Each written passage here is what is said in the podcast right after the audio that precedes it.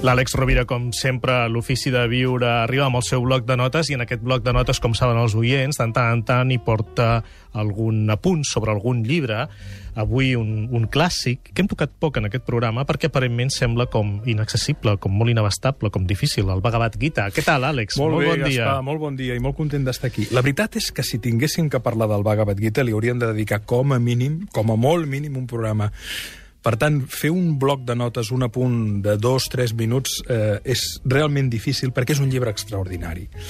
De fet, sabeu, molts de vosaltres, que el Bhagavad Gita és una obra eh, magnífica perquè d'alguna manera ens presenta a través d'una conversa entre un home jove i Déu, que assumeix la figura de Krishna, eh, el fet de que a la vida hem de triar.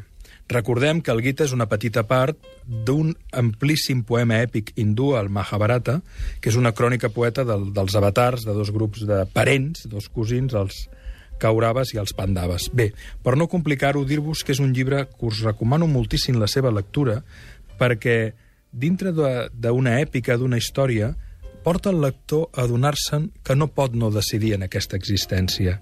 De fet, hi ha un dels fragments del llibre que diu si no combats la batalla de la teva vida perquè per egoisme tens por de la de batalla, la teva decisió serà inútil. La naturalesa t'obligarà a triar.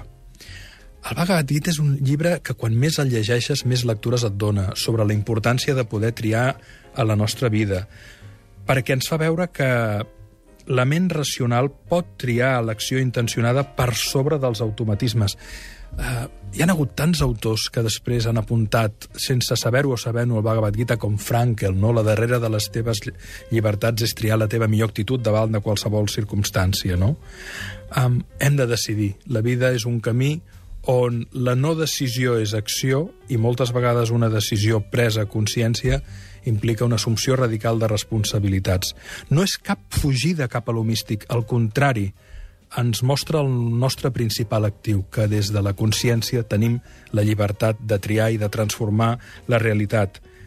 A més, el Bhagavad Gita convida a la meditació. Aquells que practiquem la meditació habitualment ens, ens ajuda a veure lo important que és la meditació com una eina per prendre distància de les nostres emocions, com pot ser la por, com pot ser la cobdícia, i descobrir eh, que podem ser immunes a la crítica, que podem ser immunes fins i tot a, a les possibles pors que se'ns plantegen, que no cal que ens comparem amb ningú i que hem de fer el que cal fer amb els nostres cinc sentits, donant el millor de nosaltres, perquè la vida ens, ens demanarà contínuament que decidim i que avancem eh, perquè no estem aquí de pas, perquè el nostre llegat no sigui banal.